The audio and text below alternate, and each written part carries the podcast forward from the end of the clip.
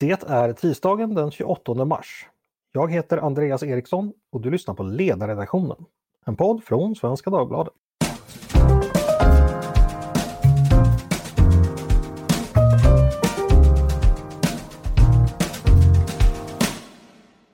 Varmt välkomna till oss igen och ett nytt avsnitt av Ledarredaktionen.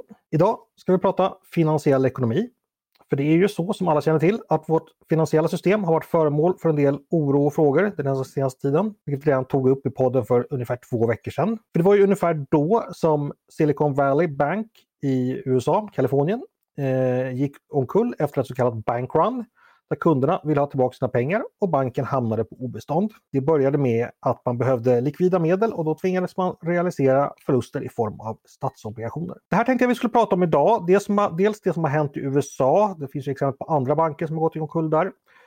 Eh, och dels det som skulle kunna hända om det finns en risk för en fortsättning, eh, om det här kan sprida sig till oss i Sverige. Det är ju så att det ekonomiska läget är lite turbulent. Vi har ju som bekant haft snabba prisökningar i många länder och det har inneburit att centralbankerna har höjt räntor till nivåer de inte har befunnit sig på på ganska många år. Så hur påfrestat är det finansiella systemet av den nuvarande ekonomiska situationen? Vilka risker kan vi se idag och hur stora är de? Med mig för att fundera närmare kring detta har jag Bo Becker som är professor i finansiell ekonomi på Handelshögskolan. Varmt välkommen hit Bo! Tack så mycket. Eh, jag ska börja med de här, det de flesta har talat om, de amerikanska bankerna som gick omkull tidigare i mars. Eh, vad var det som hände då? Går det kort att förklara för oss som inte är så inne på finansiell ekonomi vad det var som skedde när Silicon Valley och eh, Signature Bank eh, gick omkull helt enkelt? Um, ja, precis. Silicon Valley är den större banken och kanske den som är mest intressant förstå. Den andra som gick omkull där tidigt hade ju med krypto att göra, så de hade ju en helt egen uppsättning problem. Okej, okay. ja, vi kan ta Silicon Valley Bank då. Ja, Silicon Valley Bank är en medelstor bank får man säga. De hade en balansräkning på ungefär 250 miljarder dollar. Så att det är inte så långt ifrån de svenska bankerna, Swedbank, Nordea, SEB och Handelsbanken. Men de var ju nischbanken då i USA, de var väldigt fokuserade på ekosystemet runt Silicon Valley i norra Kalifornien. Så de servade techbolagen och i viss mån de anställda på techbolagen och så kanske lite grann vid sidan om det också andra näringar som är viktiga i norra Kalifornien som vinodlingar till exempel. Mm, okay.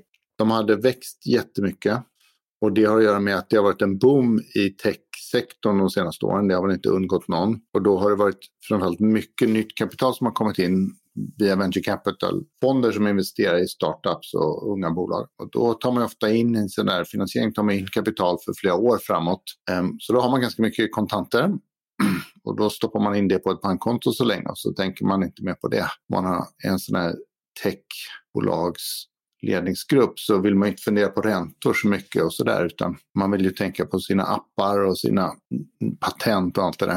Mm. Så pengarna satt där det var ingen som tänkte så noga på om det var rätt eller fel eller om det kanske hade gått att få lite bättre ränta hos City eller JP Morgan. Eh, sen avstannade ju då venture capital-investeringarna nästan helt andra halvåret förra året. Så det betyder att flödet avstannade då av nytt kapital in i Silicon Valley Bank. Samtidigt hade de också lite grann överrumplats av det enorma inflödet. Så de hade dubblat sin storlek ungefär på ett år. Och då hade de inte riktigt lånemöjligheter. De hade inte lämpliga lån lånebehov hos sin, sina existerande kunder. Så de köpte istället finansiella tillgångar när de här pengarna rullade in. Och då eh, hade de ju först fram till vad ska man säga, slutet av 2021 verkar det som om de hade en väldigt försiktig policy i de här investeringarna. De köpte korta statsobligationer, alltså kort löptid, som är det säkraste man kan ha. Eh, men som kanske inte alltid är så jätterolig avkastning. Och sen hade de hedgat då, i den mån de hade mer riskabla positioner i längre obligationer så hade de någon position, någon hedge, någon options eller swap-position som gjorde att de blev av med risken, hade lämnat över risken till någon bank mm. på Wall Street kanske mot betalning. Att hedga, vad betyder det så alla har koll på det? Man hade lyft av den risken. Så att säga. Man säger att man har, en, man har en lång statsobligation som då kan gå ner i värde om räntorna går upp. Men då har man ett avtal med en någon sån här Wall Street-bank som säger att de tar den förlusten. Mm, okay. Om den händer i utbyte mot betalning i förskott då såklart. Mm. Under 2022 så har de växlat om så att de köpte långa statsobligationer istället för korta och de slutade hedga. Det var någon rapport i Financial Times om att de hade anställt Blackrock som är en stor finansiell firma från Wall Street som är väldigt bra på obligationsinvesteringar för att titta på hur risken såg ut i deras obligationsportfölj. Och då hade de fått tummen ner kan man säga av Blackrock. Gentleman's Sea tror jag var hur det beskrevs. Det var ett citat i Financial Times. Mm. C är ju då godkänt men inte så bra och Gentleman C är kanske ett C som man inte riktigt förtjänar. Och då hade Blackrock kommit med en rad förslag på förbättringar på hur de skulle mäta och hantera risker och då hade de givit Blackrock sparken. De hade inte heller någon Chief Risk Officer under en stor del av 2022. Och de rapporterade i sin rapport för andra kvartalet 2022, alltså på sommaren, sa de att nu är vi oroliga för att räntorna ska gå ner igen. Vi är inte så oroliga för att räntorna ska gå upp. Så i det läget då, någonstans eh, förra sommaren, så satt de på en portfölj eh, som var ohedgad och ganska omfattande. Stor del av deras balansräkning på långa statsobligationer. Och så gick räntorna upp ännu mer och då förlorade den i värde. Och det sammanföll då med att de inte hade de här inflödena de hade haft förut, de hade utflöden. Eh, och för att möta utflödena så tvingades de sälja några av de här statspapperna med förlust. Ehm, och det var några som noterade det i början av året. aktiekursen tog sig en törn. Det var faktiskt några insättare som började bli oroliga också. Och sa, jaha, men vänta, de kanske inte har tillräckligt med pengar inne i den här banken. De har gjort massa förluster. Ehm, och då var det väl den här ödesdigra torsdagen så blev det fler, mer utflöden från bankkonton och då föll kursen ganska, börskursen ganska mycket och så på fredag morgon eh, när börsen öppnade, eller när banken öppnade, förlåt, fredag morgon Kalifornientid, då ville insättarna ta ut 42 miljarder dollar. Mm. Det är ju mycket pengar eh, och på en balansräkning, eller de hade 200 miljarder i insättningar sammanlagt. Så det var ju en väldigt stor eh, stora belopp. Och det var ju bara precis på morgonen.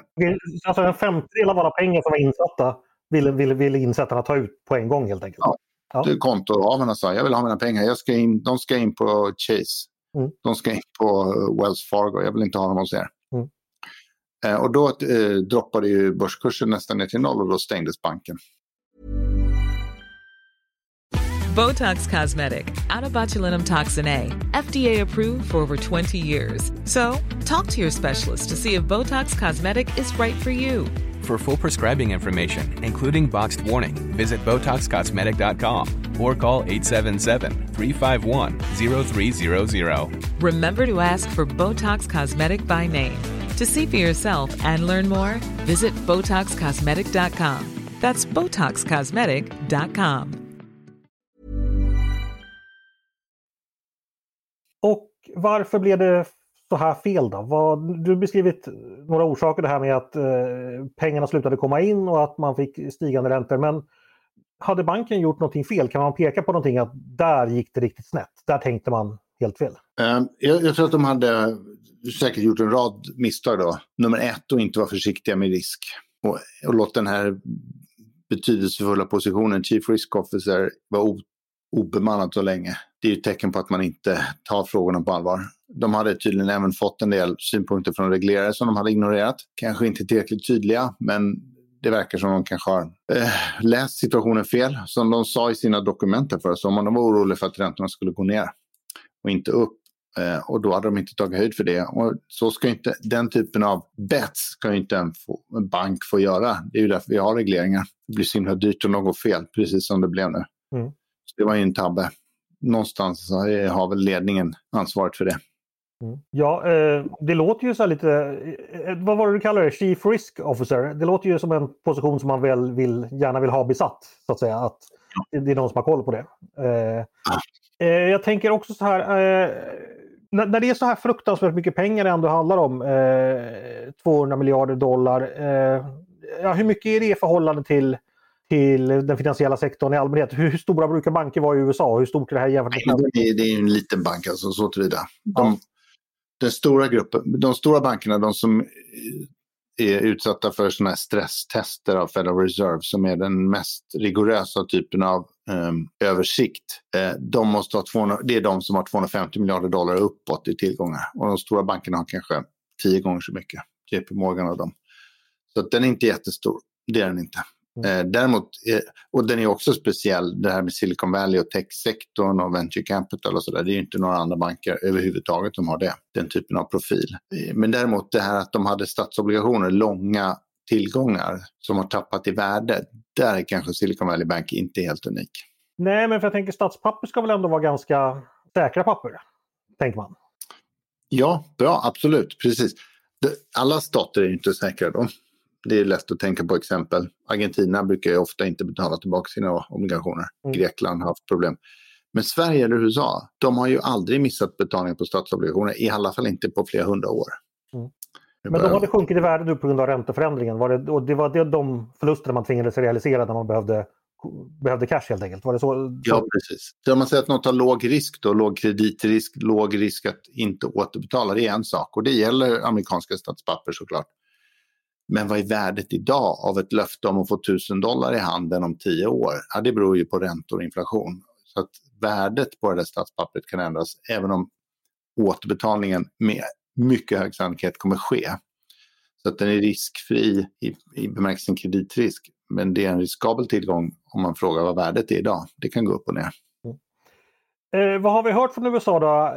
Misstänker man att även andra banker eller finansiella institutioner skulle kunna drabbas av samma problem som Silicon Valley Bank? Eller var de ett, ett så speciellt djur så att eh, ja, det var en speciell skitstorm just hos dem? Ja, det är en, det är en mycket relevant fråga. Man, det första man vill fråga sig är hur ser balansräkningen ut? Hur ser tillgångarna ut på, i andra banker? Andra banker som också sitter på ohedgade positioner i långa obligationer. Mm. Okay? Man kan ha långa obligationer men de är hedgade, då gör det ju ingenting. Då är man säker. Mm. Det är som att ha försäkring. Mm. Man kan också ha korta obligationer, de påverkas inte så mycket av ränteläget. Mm.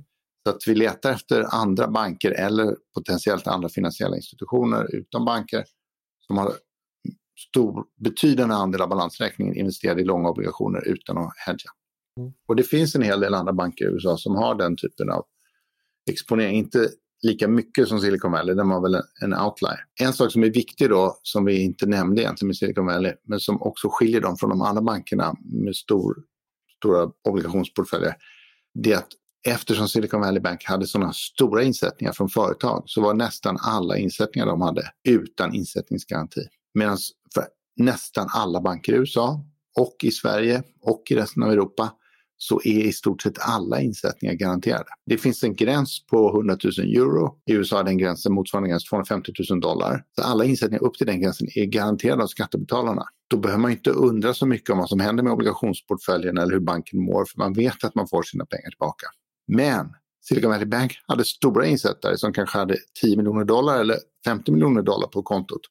Då är bankinsättningsgarantin i princip irrelevant för dem på pappret och de var oroliga. Så att de andra bankerna som kanske har de här förlusterna har inte samma problem med oroliga eller rörliga insättare som Silicon Valley Bank hade. Mm. Under de här veckorna som har gått sedan Silicon Valley Bank eh, föll, eh, är det några andra eh, institutioner som du vet att det, det, har varit Eh, som anses mer riskabla än andra. Eh, du nämnde att andra, andra banker har liknande, eh, liknande balansräkningar men inte exakt likadant. Men, men har det nämnts några speciella? Att de där, ja, First Republic kraschade häromdagen och sen har vi Credit Suisse i Schweiz som kraschade. blev uppköpt av kollegan UBS i Schweiz. Och sen har vi Deutsche Bank som det har pratats en del om de sista dagarna. Mm. Men då kan vi hoppa över till, till Credit Suisse för det har ju varit omdiskuterat det också. Vad var det som hände med den banken? Vad är, vad är den korta historien om, om vad, vad, varför de fick problem? Ja, det är ju stor skillnad. De är inte alls lika Silicon Valley Bank. Credit Suisse är ju till att börja med en väldigt stor bank. Den är ungefär halva Schweiz banksystem. Eller i den storleksordningen. Och de gör massor med saker. Alla möjliga typer av inlåning och utlåning och förvaltning och sådär. De har haft problem i många år. Arga ägare har kommit och gått ingripit på olika sätt. Nya ledningar har försökt nya omstruktureringsplaner. Så det är en problembank. Precis som Deutsche Bank kan man säga. Så där är väl egentligen inte att de är direkt exponerade på samma sätt mot räntorna. Utan det är mer att här är frågan om en bank som har stora problem. Och så länge räntorna har varit så himla låga så har det på något vis gått att hanka sig fram. Men nu med högre räntor så blir det lite svårare att dölja de där problemen. Och till slut så tröttnade ju några vägarna. Är det så att det helt enkelt låga räntor har gjort att det har varit ganska lätt, eller du förstår vad jag menar, eh, lättare än det skulle varit annars att driva bank varpå att missköta företag som egentligen normalt sett borde ha slagits ut har kunnat finnas kvar och först nu märks det att de inte var så välskötta. Eh, kan man resonera så? Ja, eh, jag vill kanske inte skriva under på det där med borde, vem som bo, hur det borde gå för olika företag, men helt, helt klart är det så att lågräntemiljön har varit förlåtande mot företag som har lönsamhetsproblem. Mm. Banker och andra. Och vad har man gjort för fel i Credit Suisse? Finns det någonting, eh, går det att sammanfatta det? de har ju misslyckats då i flera år med att försöka få ordning på lönsamheten i verksamheten. Mm. Och det är säkert, jag känner inte till detaljerna i det, för det har inte varit så offentligt. Utan vad man mer har förstått det från deras rapportering och deras siffror att det inte har funkat i bemärkelsen lönsamheten har fortsatt varit dålig. Och man har sett att de har haft stor rotation i ledningen. Så det är helt klart att de har misslyckats där. Men om det var en lätt eller svår uppgift som de misslyckades med, det, det kan inte jag riktigt bedöma. Mm. Eh, när jag försökte göra research inför det här avsnittet så hittade jag en del att det har diskuterats ett värdepapper som på engelska heter AT1 bonds. Eh, mm. Är det relevant för det här? Eller vad är det för någonting och varför pratar man om sådana? Det här är verkligen en krumelur kan man säga. Men efter finanskrisen 2008-2009 så var en väldigt viktig slutsats var att bankerna var underkapitaliserade. Det betyder att det finns inte tillräckligt mycket eget kapital. Mm investerare som kan bära förluster och så kan banken få fortsätta. Utan det var som en liksom tunn, tunn kudde. Så minsta lilla förlust fanns det inga ägar, inget ägarkapital kvar och bankerna föll omkull. Så de måste stå på lite stadigare fot. De måste ha mer sånt där förlustbärande kapital. Och i bankreglering så kallas det Tier 1 capital. Eh, och alla banker kan man säga utan undantag tycker jätteilla om att ge ut aktier. Utan de vill hellre ge ut obligationer eller låna pengar kan man säga. Um, och då var det liksom uppstod en stor, stort intresse runt möjligheten att designa obligationer som uppfyller kraven för att räknas som Tier 1 Capital under Basel. Mm. Förlustbärande kapital. Och då designade man dem och de, det var sådana här COCOs då, så det är obligationer som liksom Eh, ibland trycker man på en knapp och så försvinner de, går upp i, går upp i rök eh, och därmed bär de förluster. Eh, och de, om man designar dem rätt så uppfyller de de regulatoriska kraven för att vara Tier 1 Capital och det är därför de heter AT1. Det är additional Tier 1 obligationer. Så det var ju jättefint för europeiska finanssektorn. Amerikanerna har sagt det där får ni inte hålla på med. Aktier är aktier, ägarkapital är aktier. Något annat räknas inte. Men i Europa fick man göra det. Så det finns ju många, många hundra miljarder AT1-obligationer utestående. Eh, och Credit Suisse AT1-obligationer till värde av 17 miljarder schweizerfranc triggades av schweiziska nationalbanken den förra helgen då när de höll på att göra en rekonstruktion av Credit Suisse. Det betyder att det finns lite olika varianter, men den typen av AT1-obligationer de hade, de försvinner. Så att ena dagen så har man en obligation och sammanlagt är Credit Suisse skyldigt obligationsägarna 17 miljarder schweizerfranc. Nästa dag säger nationalbanken, nu är det kris, då måste vi ta, äta upp de här för att täcka förluster. De trycker på en knapp och så, så är obligationen borta. Mm. Det som var anmärkningsvärt med det här var ju då att aktieägarna fick faktiskt lite pengar utav det här. När UBS köpte Credit Suisse så betalade de ju pengar, inte mycket pengar, men lite pengar, några miljarder schweizerfranc för aktierna. Och det tyckte många var konstigt att obligationsägare kunde få ta en förlust medan aktieägarna, ja de tog en förlust men de blev inte utraderade. Mm. För I vanliga fall tycker man eget kapital ska raderas först innan det blir några förluster för några kreditorer. Mm. Um, och det har ECB också sagt, så de tycker att schweizarna gjorde fel. Så det är väl vad diskussionen har handlat om. Då fattar jag. Jag trodde att de här obligationerna var del i någon sorts konstig riskhantering, men då, då förstår jag vad diskussionen har handlat om. Uh, jo, men det kan man ju säga. Det tycker jag man kan säga. Det är riskhantering på något sätt, men det är också att uppfylla kraven på pappret för riskbärande kapital utan att behöva ge ut aktier. Mm. Så att det kanske är, jag kanske röstar på den amerikanska modellen och säger att det ska vara aktier. Mm. Eh, nu har vi nämnt det här med regleringar några gånger. Eh, det har säkert de flesta hört talas om att det har, den regulatoriska utvecklingen har ja, varit omfattande sedan, förra finanskrisen 2008. Eh, ja, det är förstås ett jätteområde att sammanfatta men man brukar säga då att banker och, och sånt där befinner sig i ett helt annat eh, är reglerade på ett helt annat sätt idag än vad man var för 15 år sedan. Är det sant? Är det så? Har vi reglerat om finanssektorn i den omfattning som ibland brukar beskrivas? Mm, det är en bra fråga. Det är mycket mer, mycket mer jobb nu. Många nya rapporter och mycket ny rapportering. Ja, men har, har du gjort oss säkrare, robustare så att säga? Ja, jag tror att det är det. Eh, men kanske inte riktigt tillräckligt. Eh, det är ju talande då att Silicon Valley Bank, eh, de hade 220 miljarder eller så i kapital och gränsen för stresstest är 250. Så de var ju precis under och blev utsatta för de där stresstesterna som är den noggrannaste regleringen. Eh, och de hade själva varit väldigt aktiva under Trump och flytta upp den här gränsen från 50 miljarder till 50. Mm. Så att det är ju en, eh, det är kanske är en lärdom om att regleringarna funkar men bara för de reglerade företagen, inte för de andra. Jag tänker samtidigt, eh, om då regleringen till då för att minska risken. Bankverksamhet, ja, det är ju affärsverksamhet trots allt. Den kan ju aldrig göras helt riskfri för att, att bedriva affärer är ju att hantera, att ha, att ha en hel risk. Alltså annars, ja, annars är det någonting annat än affärer tänker jag. Alltså för att, förstår jag menar? Mm. Kan man göra, är det ens önskvärt att liksom bygga ett finansiellt system där ingen någonsin riskerar någonting? Det blir väl, ja, det blir väl, det blir väl definitionsmässigt konstigt bara, tänker jag. Ja, eh, det håller jag med om. Men men eh, finansiella systemet är mycket större än, än bankerna. Så att man kan absolut tänka sig olika nivåer av risk som man tillåter för bankerna. Mm. Mer eller mindre. Eh, och, och, man, kan, man kan minska risken ganska mycket innan man säger noll. Mm. Jo, det förstår jag. Men jag tänker man, man kan inte säga så här till en bank. Det får, inte finnas, det får inte finnas några risker i verksamheten för då, då blir det jättekonstigt. Ja, nej, men noll är inte målet. Men anledningen att ha alla de här regleringarna på banker, det är ju att insättningarna är garanterade. Mm.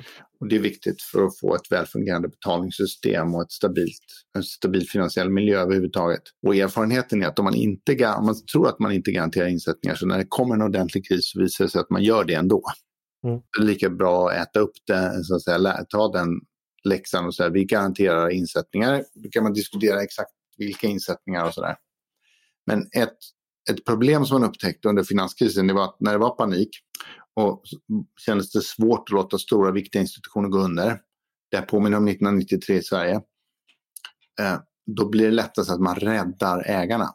Man försöker rädda verksamheten men det blir också att man räddar ägarna. Och det är inte rimligt. Så mycket av de här nya reglerna de handlar om att försöka garantera att verksamheten finns kvar, att insättarna är garanterade, men att ändå kunna radera ut ägarna. Och det tycker jag verkar helt rimligt. Eh, och så är det väl i stort sett då. Silicon Valley Bank och First Republic och Signature, de har alla, där har ägarna tagit den första förlusten. Och i Credit Suisse så är det väl inte exakt så på pappret, men i stort sett är det så att gigantiska värden har raderats ut för ägarna och så har obligationsägarna fått ta en del av smällen. Men så att det, det tycker jag ändå fungerar bättre. Sen om de ska få ta lite mindre risker, lite mer, ja, det bästa är kanske att ha höga kapitalkrav och så får bankerna välja lite mer själva. Nej, men jag tänker det kanske också stämmer lite mer med den allmänna uppfattningen att ägare av massa pengar, om man satsar i en affärsverksamhet, då får man också vara beredd att ibland så kan de pengarna försvinna helt enkelt ifall verksamheten inte utfaller. Ja, absolut, så det är inte för att, det är inte för att skydda ägarna som man har bankregleringar, så det är inte målet. Nej. Nu såg jag då att eh, IMF-chefen var ute senaste helgen och varnade för, för fortsatt oro. Vad är det konkret man är orolig för just nu? Vad, vad är så att säga om det går riktigt illa det här, vad, vad, är, det, vad är det man oroar sig för? Ja, det brukar man ju aldrig veta i förväg. Då. Um, Även om du får tänk, tänka lite fritt så att säga. Lågräntemiljön som har varit i flera år, den har ju varit väldigt förlåtande mot den som har dålig lönsamhet till exempel. Uh, men den har inte varit så positiv ur lönsamhetssynpunkt. Så, många banker rapporterar ju bra vinster. De svenska bankerna till exempel har ju rapporterat bra vinster under hösten och under hela 2022 och har förmodligen fortsatt god lönsamhet. Uh, om det kommer en lågkonjunktur så blir det kreditförluster så småningom. Men det har inte hänt. De har väldigt, väldigt låga kreditförluster just nu och uh, tjänar bra med pengar på utlåningen. Så på sätt och vis kan man säga att banksystemet världen över är ganska god form om man tittar på intjäningsförmågan. Det här gäller i Sverige, men det gäller också överhuvudtaget. Mm. Men det som är problem det är om man har sådana förluster på tillgångar i stil med vad Silicon Valley Bank har haft. Och om man ska spekulera lite eller liksom sätta på sig svenska glasögon, vad skulle kunna vara ett problem här? Jo, nu har vi lyckats få fler hushåll att binda sina bostadslån. Det är säkert jättebra ur stabilitetssynpunkt när man tänker på hushållen. Men när man tänker på bankerna så är det kanske inte det. Därför att det betyder att de sitter med betydande utlåning som ger låga, låg intjäning för bankerna eftersom det är fast. Medan deras finansieringskostnader går upp. Det är i princip samma mekanism som det som händer för Silicon Valley. Om man har lång, långa tillgångar med fast ränta så, och räntorna går upp så förlorar man, tappar, gör man förluster i någon mening. Um, så där finns det kanske lite tryck här och var i de, de svenska bankerna. Vet du någonting om det eller kommer det visa sig när nästa kvartalsrapport kommer hur, hur, det, hur det ser ut? Ja, nej, det, nej, det vet jag faktiskt inte. Och eftersom de är så välskötta, de svenska bankerna, och har ganska mycket kapital så är det väl inte någon risk att tala med, i alla fall inte med de stora bankerna, att de ska ha gjort, liksom tagit, gjort en rövare så där som Silicon Valley Bank gjorde och ha någon jättebett i hemlighet på ränt, räntebanan. Utan de är säkert hedgade. De kan ju finansiera sig med både rörlig och fast ränta. Så de har säkert balans i det. Men jag vet inte om det finns mindre banker som har obalans där på något sätt. Och räntehöjningarna som har varit sista året, de har ju varit historiskt dramatiska. Mm. Det var inte jättelätt att säga för ett år sedan att räntorna nu skulle vara liksom 4% högre. Nej, precis. Och dessutom har ju lågräntemiljön vi har levt i, den har ju varit så länge. Den har ju varit i mer än ett decennium. Eh, går det att säga lite mer övergripande, när vi helt går från liksom noll ränta till 3, 4, kanske jag inte, 5 ränta. Vad är det som förändras? Eh, exempelvis med banker. Blir banker mer lönsamma då för att de kan ta ut mer räntor eller, eller vad, vad händer med dem? De har, det är inte i allmänhet så att högre räntor är bättre för banker. Det är just den här no, att vi har varit nere på noll har varit svårt för dem. För de har ju då sett utlåningsräntorna har sjunkit. I vanliga fall så är det kanske, säg att det är 2 skillnad mellan inlåningsränta på ett konto och utlåningsränta på ett säkert lån. Mm. De här 2 procenten ska ju täcka bankens hyreskostnader, personalkostnader och så vidare och lönsamhet. Så eh, nej, insättningsräntan är 4 så är utlåningsräntan 6 och skillnaden är 2. Så ränteläget går upp och ner men de där 2 procenten är samma hela tiden. Men nu när räntorna har gått ner så himla lågt eh, då har det där pressats ihop så man kunde inte ge minus 1 eh, ränta på insättningskonton utan lönekonton och sparkonton utan man har givit noll. Mm. Och så, samtidigt har utlåningsräntorna gått ner till 1 så då har marginalerna krympts till bara 1% Så kan man förstå det. Och det är över nu. Så då har de ju fått en boost i lönsamheten. Men inte så att de sitter och hoppas på ännu högre räntor. Men det var en särskild period. Den har ju boostat tillgångspriser men den har varit pressat banklönsamheten. Men det, där är vi ute ur det nu. Mm. Hur är det med det här med att man, när man lånar pengar så har man ju oftast en säkerhet och det är, ja, man lånar till bostad ifall man är, man, är privatperson. Hur, hur är det exempel med, med fastigheter, alltså kommersiella fastigheter som ägs av företag? Den belåningen, vet vi någonting, vilken risk utgör den i, i det svenska banksystemet? Ja, jag vet inte, jag är inte alls någon expert på det. Men några observationer är väl välkända. En är att många fastighetsbolag har, har sökt ut på kapitalmarknaden och lånat via obligationer istället för banklån mm. finansierat med obligationer. Eh, det betyder att om de får problem att betala tillbaka, då är det inte banker som gör förluster utan obligationsinvesterare. Och det är då eh, pensionsfonder och, och eh, obligationsfonder och sådär. Mm. Det är mycket mindre problematiskt för finansiell stabilitet om någon pensionsfond får förluster än om en bank får det. Så på det sättet är det väldigt lyckat att de har finansierat sig på det viset. Och så då skiljer det sig alltså från hur situationen var för 30 år sedan när vi fick en finanskris efter... Eh, ja. Ja, okay. ja, men det, det är alltid lite goda nyheter. Ja. Dessutom är det ofta, även på, med, med fastigheterna så är det så att det kan vara bra i balansräkningen men dåligt i resultaträkningen och tvärtom. Mm. Um, så om man har, om man har, tänk på ett hushåll, det är bara lättare att tänka på hushåll än på, på företag. Tänk på ett hushåll som har lånat för att köpa en lägenhet. Säg att man tagit ett lån på 10 år med fast ränta. Och så går inflationen upp jättemycket sätter den 20 procent om året i 10 år. Eh, när man är klar och ska betala tillbaka lånet, ja, då är det i reella termer värt nästan ingenting. Mm. Det har ju då krympt med 20 procent per år. Så att inflation, oväntad inflation är jättebra för balansräkningen för skuldsatta hushåll som har reella tillgångar. Det är samma för fastighetsbolag också egentligen. Att om man har lång, fast, stabil lånefinansiering, då är det inte alls så dumt med lite högre inflation. Därför att det äter ju upp den reella skuldsättningen. Fastighetsvärden är ju skyddade mot inflation kan man säga, inflationssäkra. Men på kort sikt kan det ändå bli problem därför att SBB måste rulla över sina obligationer och finns det inga köpare då eller de blir väldigt dyra då kan det bli svårt att få alltihopa att gå ihop på kort sikt. Och det gäller ju även hushåll tänker jag, eller kan jag ju säga egen erfarenhet att resultaträkningen inte, inte vad den en gång var, i alla fall i mitt, mitt hushåll. Nej, det, absolut, precis. Men det är ju en, det är en jätteviktig dynamik för för Riksbanken här framöver. Varje gång man höjer räntorna så har man ju då en så att man ordentlig press på hushållens kassaflöden. Därför att man måste lägga mer av inkomsterna på, amorter eller på räntebetalningar. Men den höga inflationen i sig eh, kommer ju på lång sikt att göra skuldbördorna mindre. En fråga till de svenska banker. Eh, banker omtalas ju ibland som, som eh, ja, inte i bästa ordalag. Hur, hur, hur, lönsamma är de svenska bankerna i, just nu i internationell jämförelse och historisk jämförelse? Går det att säga någonting generellt om det? Ja, det vet inte jag.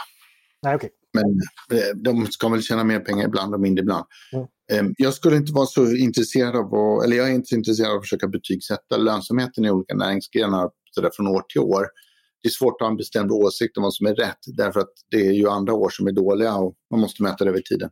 Däremot så tycker jag att det är befogat att vara lite bekymrad över hur konkurrensutsatta vissa banktjänster är. Om man tittar på produktmarknaden istället för på nettolönsamheten så att säga. Om man tittar på bolånen, man tittar på förvaltning eller man tittar på andra tjänster kan man säga men här kanske det är för låg konkurrens för att vara riktigt hälsosamt. Det känns som en mer produktiv fråga och där finns ett bättre policy-svar också. Om man säger jaha, det verkar inte som om bolånemarknaden fungerar tillräckligt väl det är för få hushåll som byter bank till exempel, annat än när man byter bostad. Ah, Okej, okay. varför går det inte att byta bolån under tiden man sitter kvar i en bostad? Ja, det kanske man kan ändra med nya regelverk som gör att det är lite större konkurrens under gång mellan banker eller mellan bolånegivare. En annan fråga för på, nu när räntorna stiger och, pengar blir dyrare. Eh, kapital är ganska viktigt för näringslivet framförallt i, ja, vi, nämnde, vi börjar ju prata Silicon Valley Bank liksom när man eh, handlar om startups och det, det kan vara ganska kostnads, kosta ganska mycket pengar att starta ett företag. Eh, vet vi någonting om, om hur det påverkar ekonomin att helt enkelt pengar blir så mycket dyrare? Kommer det bli, göra att det kommer startas mycket mindre företag eller vad, vad händer då? Eh, ja, precis. Ja, men så är det nog. De, de här låga räntorna de är speciellt bra för alla investeringar som är väldigt långsiktiga. Så om man gör en investering som ska betala av sig på ett år, då spelar inte räntorna så stor roll. Men om man gör en investering som ska betala av sig över 10 år eller 30 år, då blir räntorna jätteviktiga. Så det är speciellt de här riktigt långsiktiga projekten som har haft goda tider kan man säga. Eh, och jag kanske tycker några av dem verkar mer produktiva och andra verkar mindre. Jag tycker kanske att alla investeringar i krypto, de har ju helt klart en enorm nytta av lågränteläget de senaste åren de är kanske inte, det är väl låg sannolikhet att de ska bli väldigt produktiva för samhället. Eh, men det finns ju också såklart solceller eller investeringar i fusion eller andra sådana långsiktiga teknologier som nu menar, bromsar in jättemycket såklart. De får problem att finansiera sig helt enkelt för att... Problem, ja, de sämre termer, det blir dyrare, det kommer bli mindre investeringar i dem, mm. den typen av långsiktiga projekt. Vi ska snart ta och runda av. Bara en fråga, du varit inne på lite på policy nämnde du. Är det någonting som, eh, jag vet inte hur diskussionerna går bland er som har koll på finansiell ekonomi, som man tycker politikerna ska göra som, som bör göras eller ska de låta marknaden agera som, eller marknaden fungera fritt och lösa det här själv? Vad, vad, hur går diskussionerna? Det enklaste sättet att stabilisera banksystemet på lång sikt är högre kapitalkrav. Mm. Men det kan man inte göra när det väl är blåsigt då är det för sent. Då kan, det kan ju vara kontraproduktivt till exempel ur konjunktursynpunkt. Så det, det, är svårt att se några uppenbara omedelbara åtgärder. Däremot blir det problem för någon systemviktig bank, då måste man ju agera snabbt och handlingskraftigt för att gripa in. Och där, det betyder att man vill ha koll på läget så man inte gör det för sent. Det finns inga tecken på att det skulle vara något sånt på gång i Sverige. Och myndigheterna i Schweiz och, USA, äh, agerade de snabbt nog? Mm, det tycker jag i båda fallen, det får man säga. Det, det, är väl, det är en amerikansk idé faktiskt att lösa bankproblem över en helg och det var ju det schweizarna gjorde också. Mm. Och det är så man, man, får, det, man behöver 48 timmar på sig och det har man. Man har lite mer 48 timmar. Man har kanske från att börsen i New York stänger ungefär på fredag eftermiddag till att börsen i Tokyo öppnar på måndag morgon. Så att det är ja, 30-60 timmar. Mm. De får man använda så mycket man kan så att man har gjutit olja på vågorna och hittat strukturella lösningar och bestämt sig vem som ska ta förlusterna framför allt så det inte blir så mycket panik sen på måndag morgon. Det är väl en jättebra lösning. Eh, och det får vi hoppas vi kan använda i EU också om det blir några stora banker som får problem här. Stort tack för det! Eh, ja, det var väl ungefär de, de jag frågor jag hade. Är det någonting du skulle vilja lägga till som du tycker är viktigt att man är med sig i huvudet när man följer den här utvecklingen framåt? Eh, det har ju snackats en del om att eh, räntepolitiken måste ta hänsyn till problem i banksektorn. Mm. Um, och det kan man fundera på i Sverige också. Just nu är det inte några problem här i banksektorn. Uh, men så länge inflationen är hög så tror jag man får räkna med att räntorna kommer fortsätta gå upp. Och det betyder att ju högre räntorna går, desto fler sektorer kommer vi hitta som får problem. Och det kan vara institutioner som Silicon Valley Bank. Det kan också vara andra institutioner, det kan vara pensionsfonder som förlorar pengar. Um, och det kan vara hushåll som kommer under press. Så, så länge inflationen är fortsatt hög så kommer vi att få finansiell stress någonstans, även om inga banker går under. Då får vi se och följa hur det går med inflationen och den kommer vända också i, i Sverige, får vi väl hoppas. Stort tack Bo Becker, professor på Handelshögskolan i finansiell ekonomi för att du kom och pratade med mig idag. Tack så mycket. Och tack också till er som har lyssnat på oss idag på ledarredaktionen. En podd från Svenska Dagbladet. Ni är varmt välkomna att höra av er till redaktionen med era tankar och synpunkter på det vi precis har diskuterat. Eller om det är så att ni har idéer och förslag på vad vi ska ta upp i framtiden. Då mejlar ni bara på ledarsidan svd.se. Dagens producent, han heter Jesper Sandström. Själv heter jag Andreas Eriksson och jag hoppas att vi hörs snart igen.